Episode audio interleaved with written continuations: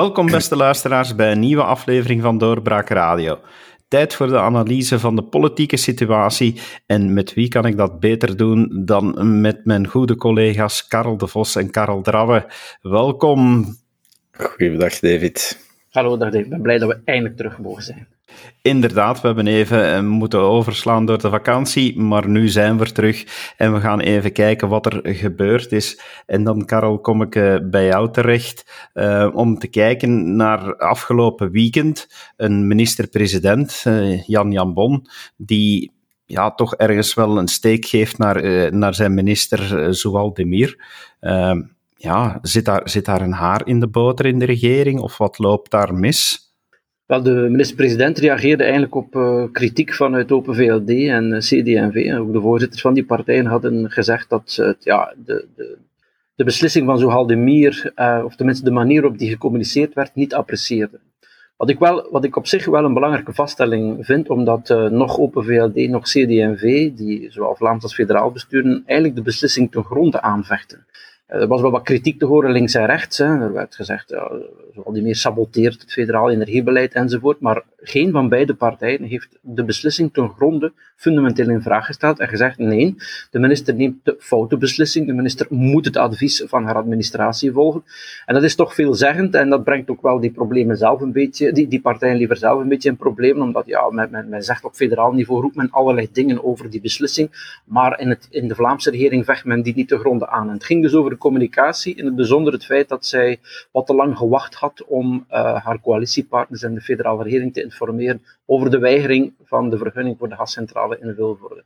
Dat de minister-president daarop reageert, dat snap ik. Als twee van de drie coalitiepartijen zeggen, ja, dat, dat loopt niet goed, dat is niet goed voor het vertrouwen in de regering, dat begrijp ik wel, maar ik vond wel dat hij ver ging in het, in het gelijkgeven van die twee partijen. En dus als je, als je die opmerking van Jan Jan Bon beluisterde, dan leek het eigenlijk alsof hij toegaf dat uh, zoal die Mier um, daar een fout had gemaakt, terwijl zij daar zelf um, een antwoord op geeft. Uh, waarom, waarom heb ik zo lang gewacht? Dat is eigenlijk een standaardprocedure. Dat is in andere dossiers ook gebeurd. Er moet nog wat uitgevloeid worden enzovoort. En dat heeft hem, uh, heb ik begrepen en ook gehoord van een aantal NVA's in eigen partij wel wat kritiek opgeleverd. Hè. Waarom moet hij, zoal die Mier, eigenlijk op die manier een, een een tikje geven, uh, terwijl uh, de NVA 100% achter de beslissing staat en achter de minister staat. Hè. Dus uh, dat, dat vond ik niet zijn, zijn sterkste moment. Ik kan wel begrijpen dat hij ten aanzien van zijn twee coalitiepartners um, een signaal wil geven van ik heb het begrepen, ja, er, er moet, we moeten daar, ik moet als regeringsleider daarop letten dat er vertrouwen er is. Maar ik, ik vond toch dat hij in die, in, een stukje meeging in die kritiek uh, op Sohaldemir en dat is denk ik ja, niet, niet, de, niet, de sterkste, niet de sterkste uitspraak van hem, omdat um, ja, voor N-VA en voor vele anderen Sohaldemir net uh, ja, heel um, terecht die beslissing nam en ook uh, daar in dat dossier op zichzelf geen fouten heeft gemaakt. Ik zie jou twijfelend ja, knikken, uh, Karel. Uh, niet helemaal mee eens? Oh, maar het gaat er niet om of ik er helemaal mee eens ben of niet. Uh, misschien eerst zeggen, ik ben net terug van een weekje Andalusië. dus ik heb de wedstrijd maar van op een afstand gevolgd. Maar dat geeft misschien ook het voordeel van met daar een andere, om daar met een andere bril naar te kijken, omdat je er minder kort op zit. Um, bij wat Karel de Vos daarnet zei, toch paar bedenkingen of, of, of, of, of randopmerkingen. Eén, um, ja, het is maar normaal dat de minister-president probeert. Um, moet ik dat zeggen, um, de partijen, de standpunten tussen de partijen die deel aan het maken van zijn regering te lijmen. Het is maar normaal dat hij, als, dat hij het team bij elkaar moet houden. En als er dan inderdaad een minister is die blijkbaar buiten de lijntjes kleurt, volgens de visie van andere partijen, dat hij probeert om die groep samen te houden, samen te krijgen en iedereen op dezelfde, eh, op dezelfde lijn te krijgen. Um, tweede bedenking, um, als ik het goed heb, ja, die vergunningen voor die gascentrales, dat is een gedelegeerde bevoegdheid. Dus daar moet een minister niet mee naar de regering. De regering moet daar dus ook geen toestemming voor geven aan een minister om die beslissing te nemen ten goede of ten kwade, hè, groen licht of rood licht voor die gascentrale. Dus kun je ook de vraag stellen van, ja, waarom moeien de andere ministers zich daarmee? Want ja, dan, wil je eigenlijk, zet je eigenlijk de deuren open dat voor elke gedelegeerde bevoegdheid van elke minister er iemand anders, een andere partij uh, binnen de coalitie, een mening kan uh, uiten en bij de minister-president gaan klagen, opdat die dan al dan niet een partijgenoot op de vingers kan tikken. Uh, dat is een tweede punt. Dus je zit daar al met een, met een probleem en een discrepantie tussen ja, de partijtrouw enerzijds en de regeringstrouw anderzijds. Maar toch ook met iets als die gedelegeerde bevoegdheden. En de politicoloog in dit gezelschap moet mij maar tegenspreken, mocht, mocht ik dat helemaal verkeerd uh, zien. En dan drie, denk ik van. Ja, uh, eh, N-VA zit wel met een probleem natuurlijk. Hè. Niet elke militant, niet elke, elk lid, niet elke kiezer begrijpt um, dat het niet eenvoudig is om als beleidspartij uh, ja, federaal in die oppositie te zitten, want dat heeft er toch ook mee te maken. Hè. Het zijn uiteindelijk toch de Vivaldi-partijen die zoal de mier op de vingers wilden tikken. En niet zozeer de NVA zodanig, maar Jan Jan Bon als minister-president is wel een NVA. Dus je zit daar met, met, met een discrepantie met die twee benen uh, in twee verschillende regeringen en dat zal niet iedereen begrijpen. Het voordeel daarvan is natuurlijk dat uh, de populariteit van zowel de Mier binnen de partij en waarschijnlijk ook daarbuiten, uh, als ik de perceptie goed, goed, goed kan, kan inschatten, uh, alleen maar toeneemt. Uh, en dat uh, zoal misschien wel een, een goudhaantje voor de NVA kan zijn in 2024 alhoewel het dan nog heel lang is. Maar het nadeel is natuurlijk dat uh, Jan Jan Bon als minister-president uh, ja, nog maar eens uh, naar buiten komt als iemand die het ofwel niet goed weet, ofwel te laat reageert, ofwel ja, in dit geval tegen iemand van zijn eigen partij moet uh, reageren. En dat zal bij die militanten en bij die kiezers absoluut niet goed vallen, denk ik.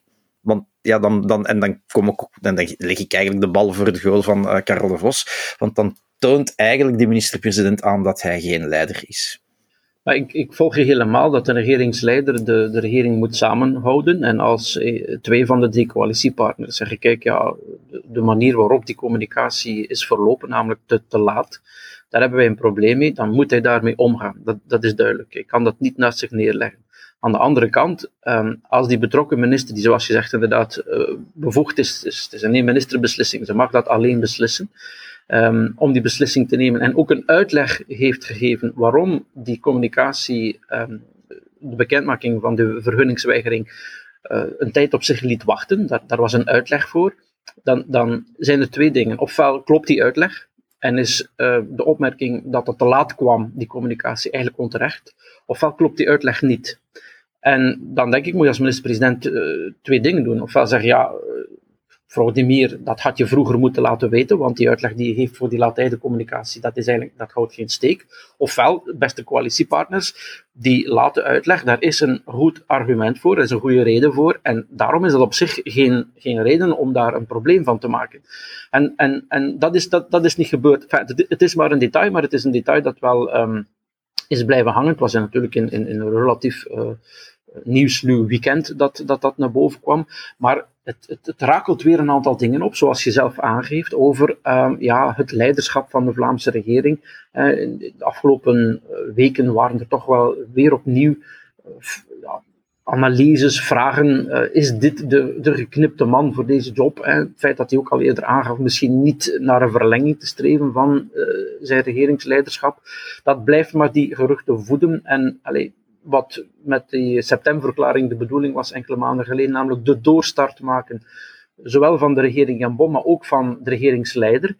Ja, je hebt toch het idee dat, uh, dat, dat, dat, dat we, zijn, we zijn nog maar een paar maanden verder natuurlijk, hè, maar dat dat niet gelukt is uh, en dat die doorstart uh, post-corona, wat is ook post-corona, dat die er maar niet komt. En ik, ik vrees een beetje dat dat ook um, dat dat nog moeilijk te corrigeren zal zijn. En dat we um, ja, die analyses over dat functioneren van die Vlaamse regering en de schaduw van de federale, het leiderschap van die Vlaamse regering, dat dat, dat iets is wat, ja, wat in, in de komende weken en maanden en jaren wellicht niet meer fundamenteel zal veranderen. Al kan je dat niet uitsluiten, uiteraard, maar ik, ik, zie, ik zie daar eigenlijk geen grote ommekeer meer in komen. Ik vind het heel interessant dat je die analyse maakt. En Karel, jij zei daarnet, uh, zowel de Mier misschien het goudhaantje in 2024. Dan zie je inderdaad dat toch, uh, net, uh, net zoals net gezegd, dat nu de geruchten opduiken. Ja, misschien dat Jan Jan Bon geen tweede termijn ambieert. En dan wordt er meteen gesuggereerd dat ja, minister Demir zich in een pole position aan het zetten is we zijn toch nog ver af van 2024 om nu al zo'n speculaties te maken? Of, uh, of ben ik dan verkeerd? Ja, maar speculaties worden er altijd gemaakt natuurlijk. En de meeste speculaties komen toch niet uit. Uh, maar dat maakt het daarom niet minder leuk of boeiend om, om te speculeren. Um, er is nog een verschil, denk ik, tussen uh, Zohaldemir als een potentieel goudhaantje, electoraal goudhaantje. Hè. Ze houdt voet bij stuk. Ze communiceert heel rechtlijnig, rechtuit, recht voor de raap. Uh, een beetje zoals Jean-Marie de Dekker destijds, of waar dat toch, wat toch het, het, label was van, van Jean-Marie de Dekker om heel rechtuit te communiceren. Legt ook de nodige emoties uh, in de weegschaal. Dus dat, ik denk dat dat wel iets is. Maar om dan te zeggen dat zij zich in pole position plaatst om de volgende minister-president te zijn, ja, dat is natuurlijk maar één. Uh, hoe gaat die regering eruit zien? Twee, ik moet eens goed nadenken, maar het zal wel, zou het niet voor de eerste keer zijn in de politieke geschiedenis dat we een Limburger zouden hebben als minister-president uh, van Vlaanderen? De eerste. En de eerste vrouw, ja. en de eerste vrouw bovendien, ja, het zou mooi zijn.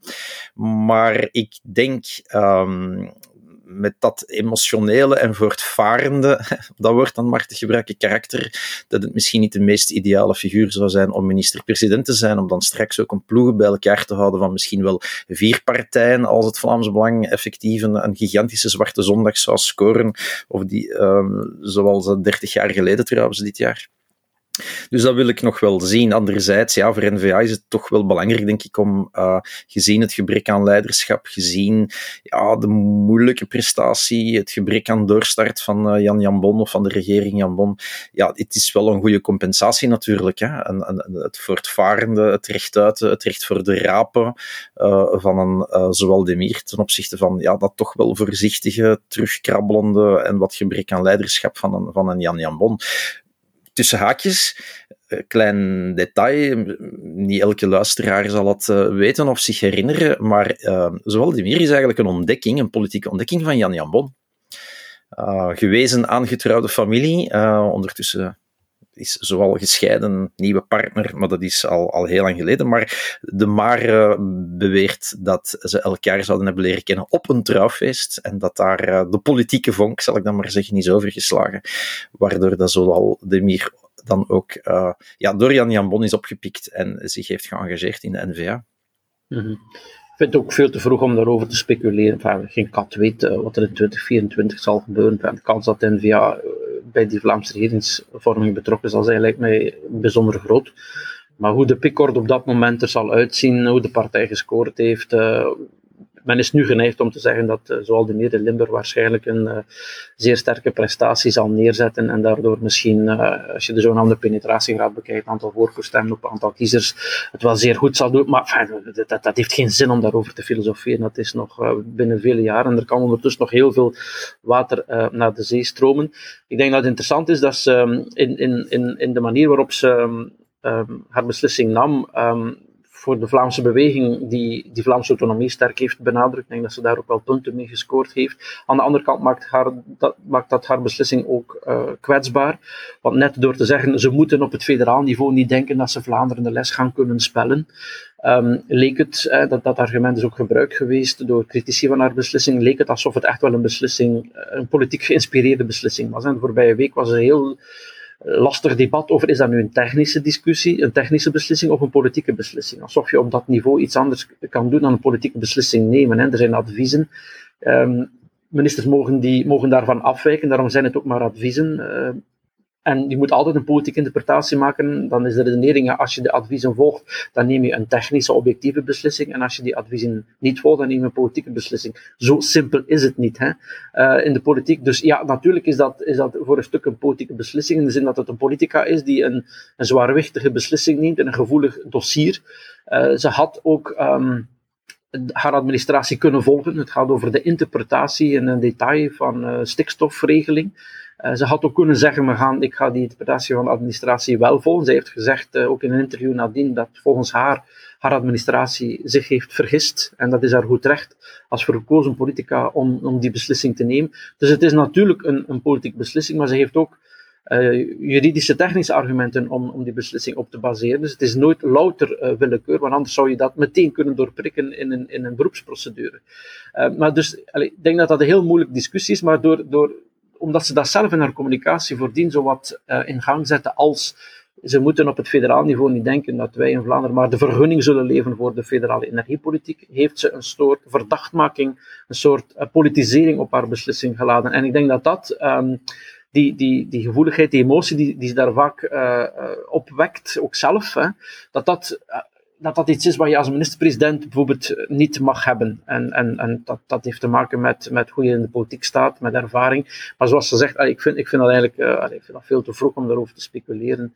Uh, we zien het wel. Wat ik uh, heel interessant vond aan, aan in de naween van, van heel die um, kernuitstap en gascentrales discussie, was de opmerking van Egbert Lachaert, die hij al meermaals heeft gemaakt, maar onlangs nog in de zevende dag uh, dat als er op het federaal niveau in dossiers zoals bijvoorbeeld klimaat um, te veel verdeeldheid is tussen de regeringen, en een federale regering wil dit, Wals iets anders, Brussel uh, nog iets anders en federaal enzovoort, dat je dan een soort, en ik citeer, federale scheidsrechter, eindcitaat, nodig hebt om um, de finale beslissing te nemen, om de blokkage te overroelen, zeg maar. Um, ik heb zelf nog geprobeerd op Twitter om meer info daarover te krijgen van hem. Wat bedoel je met het federaal niveau? Is dat het overlegcomité?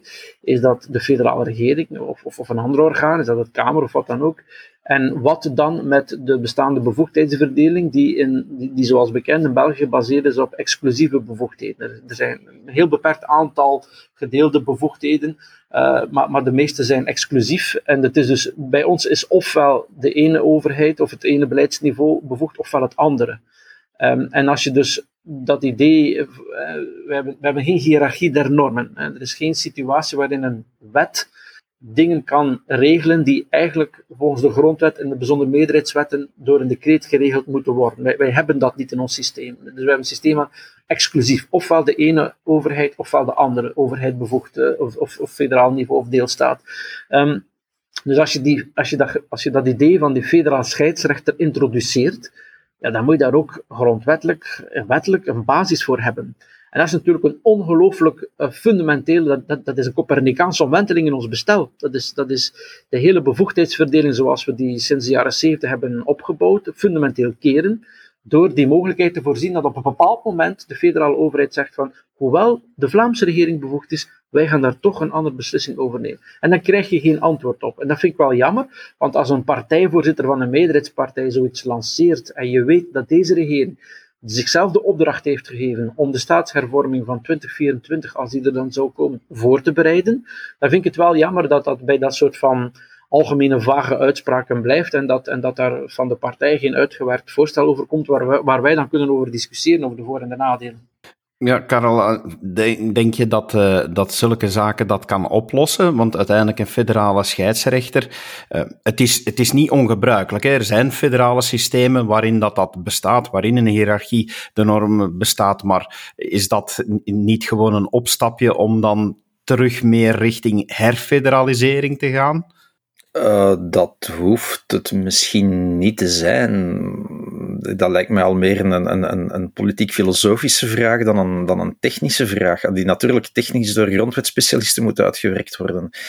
Uh, ik begrijp wat Karel de Vos daarnet zei, dat het jammer is dat hij als partijvoorzitter dat dan niet verder uitwerkt. Maar goed, ja, er komt volgend jaar, als ik mij niet vergis, uh, een, een, groot liberaal ideologisch congres. En ik neem aan dat er daar en dan plannen op tafel zullen liggen om bijvoorbeeld België in een nieuwe plooi te leggen. Of dat dan een plooi is van meer communautarisering of regionalisering enerzijds, of meer herfederalisering anderzijds, dat zullen we nog wel zien.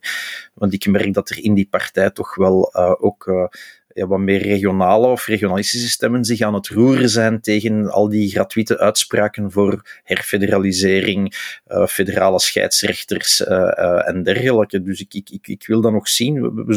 Ik, ik begrijp dat Lachgaard dat soort ballonnetjes oplaat. Ik denk dat dat ook zijn plicht en zijn taak is als voorzitter. Uh, ook al is het nog niet volledig uitgewerkt. Um, met het licht op, ja, het verder uitwerken daarvan in een congres of in een boek of, of, of weet ik veel, uh, dat zullen we dan wel zien. Maar ik wil toch nog eens heel even terug naar het vorige. Ik had een paar keer mijn vingertje opgestoken van ik wil toch nog iets zeggen, uh, meneer de moderator.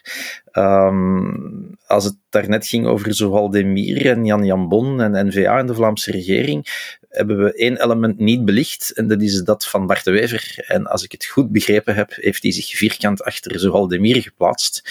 Wat ik dan weer niet begrijp als een kritiek op Jan Jan Bon, maar wel als een voorzitter die zich achter zijn ja, achter zijn minister schaart en die maar al te goed uh, ruikt van waar de wind komt en waar dat er het electorale potentiële gewin dan wel ja, uh, status quo kan zitten. En dat is door uh, zowel de Mier naar voren te schuiven en die te steunen, omdat haar voortvarendheid toch wel aanslaat waar, ja, nogmaals, um, Jan-Jan Bonder toch een beetje meer ja, er niet bovenuit steekt en, en, en, en om dat potentieel electorale verlies wat, wat te gaan, gaan compenseren. Ik denk dat we dat, dat dat, je dat, niet je dat niet mag uit het, uit het oog verliezen. Um, maar terug naar die federalisering of herfederalisering. Um, is het nodig um, dat een partij. Ja, moet ik dat zeggen? Jouw vraag was van.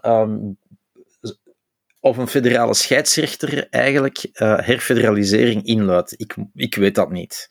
Uh, de vraag is maar wat, wat, wat, wat, wat wie dat, welk orgaan dat dat moet zijn, hè, wat Karel de Vos daarnet al zei, is, uh, en welke, ja, welke beslissingsmacht of bevoegdheid dat je die geeft. Maar langs de andere kant, en daar rond ik mij af, um, Herfederaliseren, ja, je moet daarvoor denk ik niet alleen een meerderheid hebben in Vlaanderen, maar ook in Franstalige België. En nog eens een tweederde meerderheid, want dit vereist een uh, grondwetsherziening. En ik denk niet dat de PS, ook al zal die misschien op de regionalistische rem gaan duwen, zomaar zal willen gaan herfederaliseren. Dat denk ik dan weer niet. Ik denk dat uh, de zeer vage, en ik zie het ook niet werken in de praktijk hoor, maar goed, uh, truc van de federale scheidsrechter net um, de herfederaliseringsdiscussie wegneemt. Bedoel, waarover gaat de herfederaliseringsdiscussie? Een aantal bevoegdheden moeten terug naar het federaal niveau, want uh, klimaat is daar een typisch voorbeeld van, gezondheidszorg, pandemiebestrijding enzovoort. Uh, het feit dat er uh, zoveel beleidsniveaus zijn en zoveel ministers daarover moeten samenzitten, ja, dat hindert de beslissing. Dus als je dat opnieuw op het federaal niveau brengt, dan kan daar met, uh, met minder volk rond beslist worden. Dat, dat, dat is het idee. Uh, nu, als je natuurlijk die scheidsrechter introduceert voor een aantal domeinen, ja, over welke domeinen zal dat dan gaan? Dat zal gaan zo op domein, over domeinen zoals klimaat of uh, gezondheidszorg of whatever. Ja, als je dan die federale scheidsrechter introduceert, um, die, die, dat mechanisme, hoe er ook mogen uitzien, ik weet niet wat ik daar moet bij voorstellen, maar goed, ja, dan moet je niet herfederaliseren. Maar dan heb je dat probleem opgelost. De reden waarom mensen opnieuw willen sommige mensen willen herfit niet opnieuw, want het zou voor het eerst gebeuren. De reden waarom sommige mensen willen herfederaliseren is net om die, om die blokkage die er op sommige momenten is, om die te overstijgen. En ik heb gisteren gemerkt, er was gisteren een, een zogenaamde informele top van Vlaanderen in de Vlaamse opera. Dat, er werd nogal vaak over, uh, over de energiekwestie gesproken. dat was natuurlijk omdat de, de spreker van de avond uh, EU-commissaris voor Klimaat, over, over de Europese Green Deal enzovoort. Dus evident ging het in, de receptie achteraf vaak over, over energie en klimaat en over de, de, de recente beslissing van de Vlaamse regering versus de federale kernuitstap. En er was heel veel volk, ja, ondernemers, een paar politici, mensen uit de magistratuur, uit universiteiten enzovoort. En ik merk dat heel veel mensen ja, dat, eh, die, die, die populaire gezond verstandreflex hadden van dat kan toch niet. Hè? Wat is dat met dat een klein land met zoveel versnippelingen, verdeeldheid.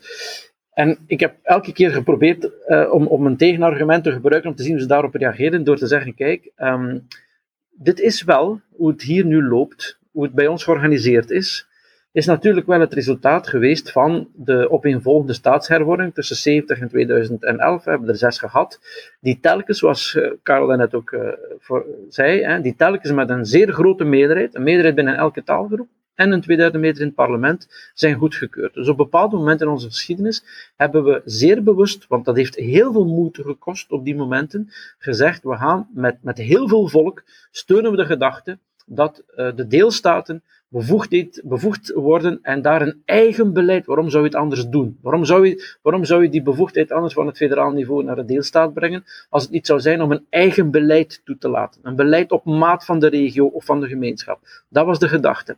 En dat achteraf het evident zou zijn dat er in Vlaanderen, anders dan in Wallonië of Brussel, zou uh, gedacht en gehandeld worden op een aantal van die thema's, of het nu ruimtelijke ordening is, of verkeersregels, of cultuur of onderwijs, dat is inherent aan die beslissing. Waarom? Je, je moet het anders niet doen. Als je, als je niet verwacht en niet wil toelaten dat deelstaten anders, over bepaalde, met, anders met bepaalde beleidsdomeinen omgaan, dan had je die staatshervorming nooit mogen doorvoeren. En dat is telkens dus met een zeer brede meerderheid uh, uh, gebeurd. Dus dit is het land, dit is het systeem dat wij gewild hebben. En daarom vind ik het, allez, er was heel veel boeiende gesprekken opgeleverd gisteren. Daarom zeg ik, als, als dat echt de volle overtuiging is, hè, nu, nu, dat die staatshervorming in de praktijk op een aantal van die domeinen heeft gefunctioneerd, is het, is het mogelijk dat je dan zegt van, als we nu zien hoe het werkt, dan gaan we, en daar is het weer, dan komen we tot voortschrijdend inzicht, een geweldig populaire uh, term tegenwoordig, dan komen we tot het voortschrijdend inzicht dat het niet werkt.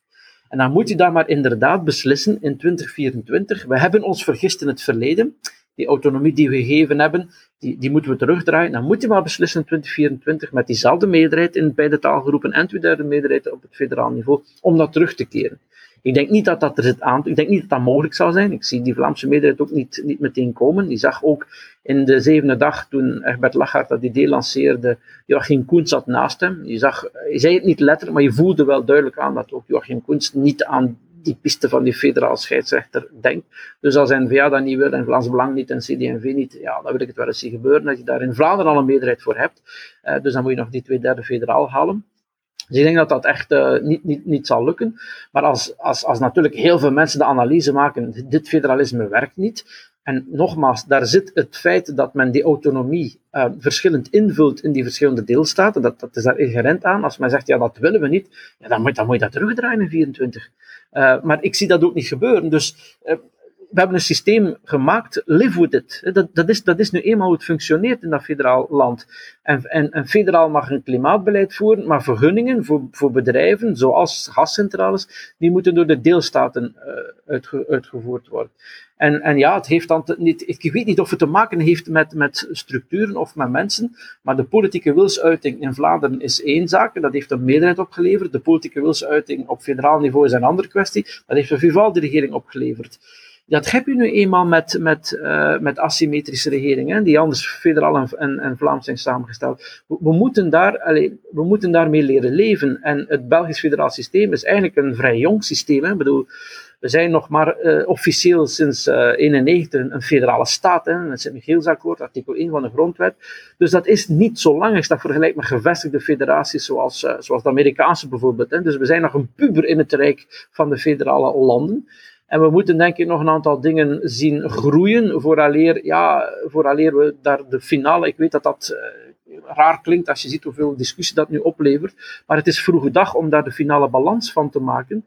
Zeker als je kijkt hoe lang federale systemen nodig hebben om zich te zetten op de een of andere manier. En dus dat al terugdraaien in 2024, zonder dat eigenlijk op, zonder dat dat systeem ja, sorry, decennia heeft gekregen om, om, om, dat, om, dat, om dat te beleven, om, om daar maturiteit in te krijgen. Dat, dat vind ik wel, als je dat van, van op enige afstand bekijkt, dat vind ik dat wel uh, een beetje jachtig, om het, uh, een beetje nerveus om op die manier met federalisme om te gaan. Maar ja, er is natuurlijk een heel... Maar, maar, maar, mag, ik, mag ik, ik wil daar toch direct iets over zeggen, van dat, ik, ik, ik, dat klopt, hè. Uh, die, bijvoorbeeld de Verenigde Staten, hè, een, een federatie sinds 1776, of toch iets, iets nadien, Um, maar we zitten Duitsland, Oostenrijk, federale staten, die werken allemaal volledig asymmetrisch. Hè? Dat je nu 15 of 17 uh, of, of, of maar uit acht deelstaten bestaat, dat, dat lukt. Maar wij, wij hebben er ja, drie, vier, twee, al naar gelang van hoe dat je telt. Um, twee in de zin van Nederlandstaligen tegenover Franstaligen. Ik denk dat er bij ons zit er, zit er een, een, een weeffout in dat federalisme. Uh, om, ja, om maar te denken dat dit zich zal stabiliseren. Het zal altijd de ene tegen de andere zijn, hoe dat Brussel zich ook zal ontwikkelen tegenover Franstaligen, tegenover, tegenover Wallonië. Zal altijd zo die, die dualiteit in zich hebben, al, al is het maar omdat die gedragen wordt door het feit dat dit federalisme gebaseerd is op twee totaal verschillende taalgroepen. En dat heb je in die andere federale staten niet. Dat heb je niet in Duitsland, dat heb je niet in de States, dat heb je niet in Argentinië, dat heb je niet in Australië, dat heb je niet in Oostenrijk en noem maar op. En daar, daar, daar, zit, daar zit, een gigantisch, daar zit een gigantisch probleem. Dus die zijn... gaat zich niet stabiliseren. Forget it.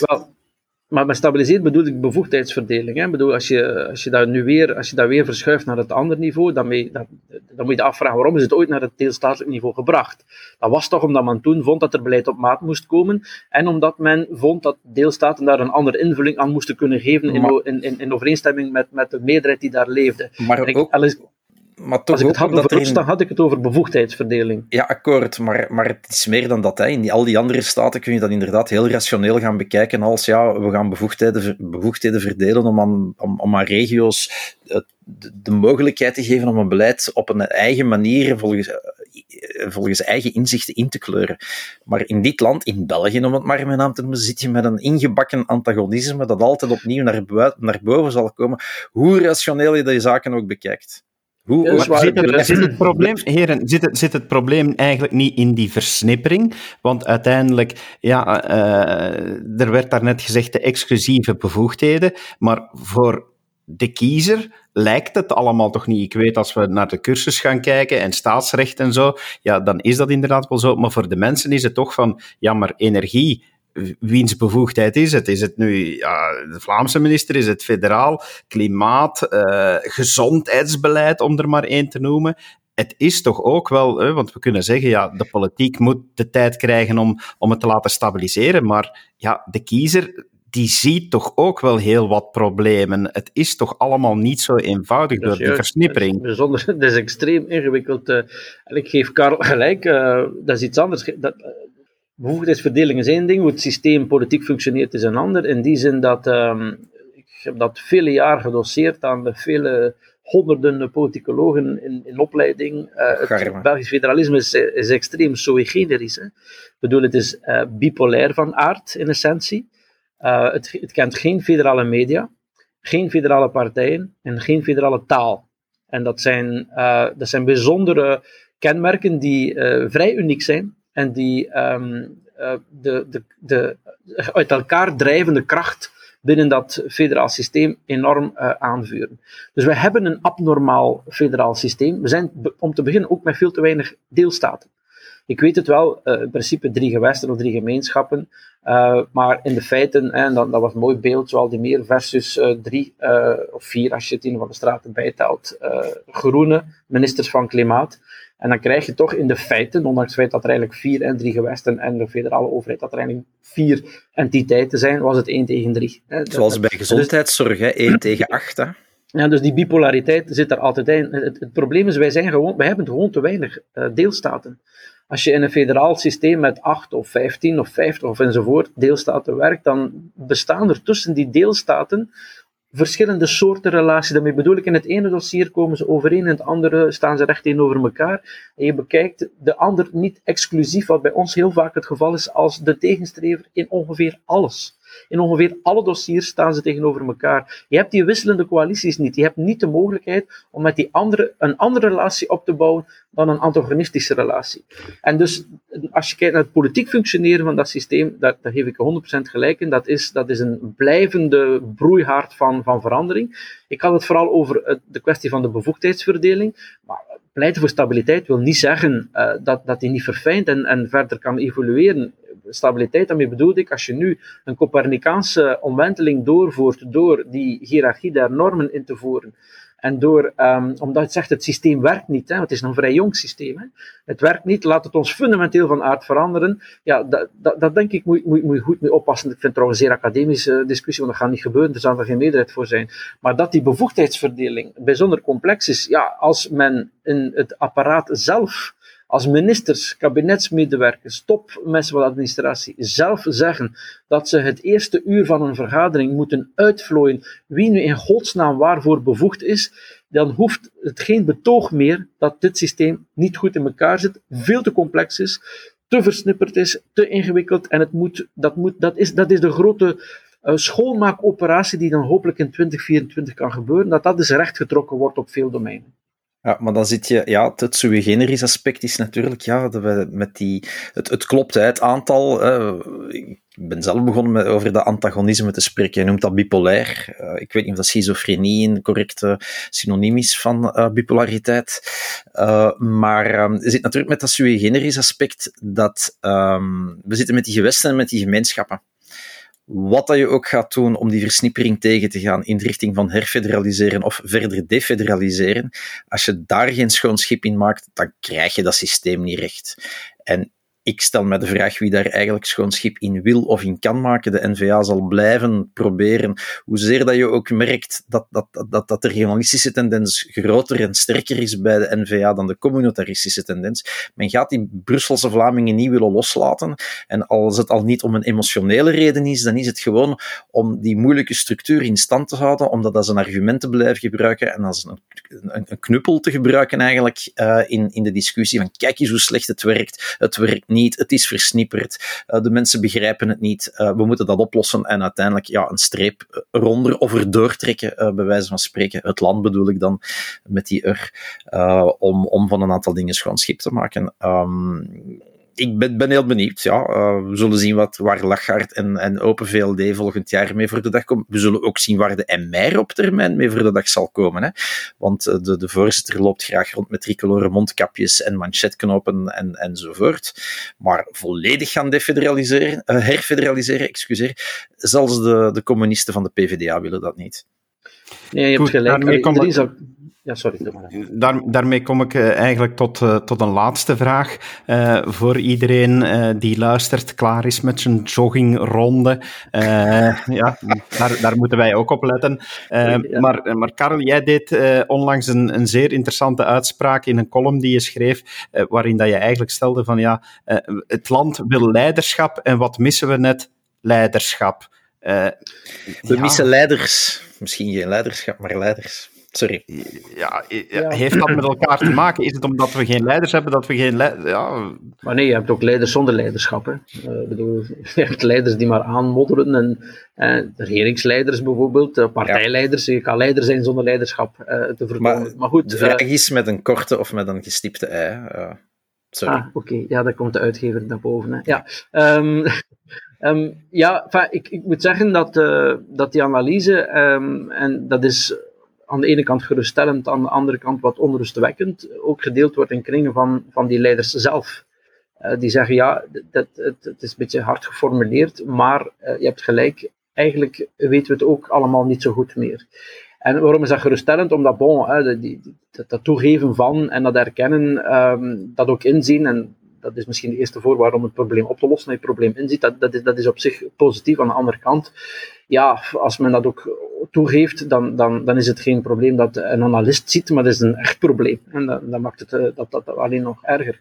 Um, en ik zie het, ik zie helemaal weer lopen. Allee, het scenario van, uh, van deze week, uh, vervroegd overlegcomité van vrijdag naar woensdag, uh, lek in, in, de, in de adviezen, ministers, vicepremiers, die de ene voorstel aan de ander formuleren, eh, die elkaar ook daarop tegenspreken, belangengroepen die uh, massaal in de media zeggen dat uh, bij hen geen COVID circuleert. Het is een zeer eigenaardig virus, het uh, is alomtegenwoordig, maar als je goed luistert, dan zit het niet op school, niet in de jeugdbeweging, niet op café, niet restaurant, niet in bedrijven. Mensen vragen zich af waar het dan wel zit, dat virus, maar bon. dus al die belangengroepen komen naar voren om te zeggen dat, dat, dat het dan niet kan en, en dan, dan zal er een, ja, een beslissing komen waarvan heel veel mensen die het een beetje volgen nu dan zeggen, maar wat, wat, wat is het nu eigenlijk? Hè? Wat, wat is er, er is de voorbije dagen van alles gezegd en het is, het is weer iets anders.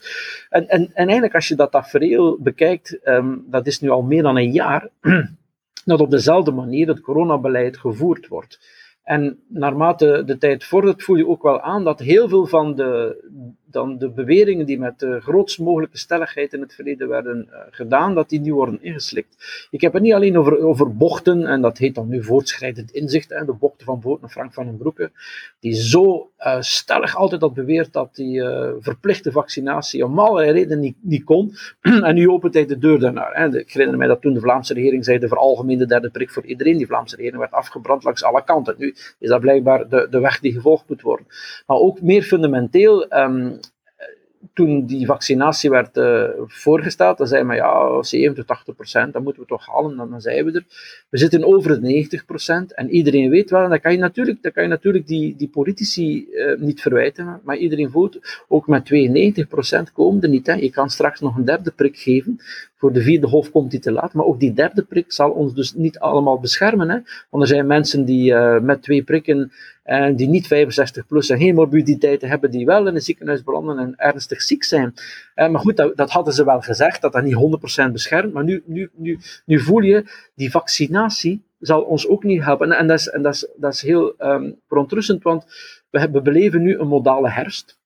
Dus het is niet eens super koud. Uh, er is niet eens een enorme uh, golf van griep over het land. Um, we zijn gevaccineerd.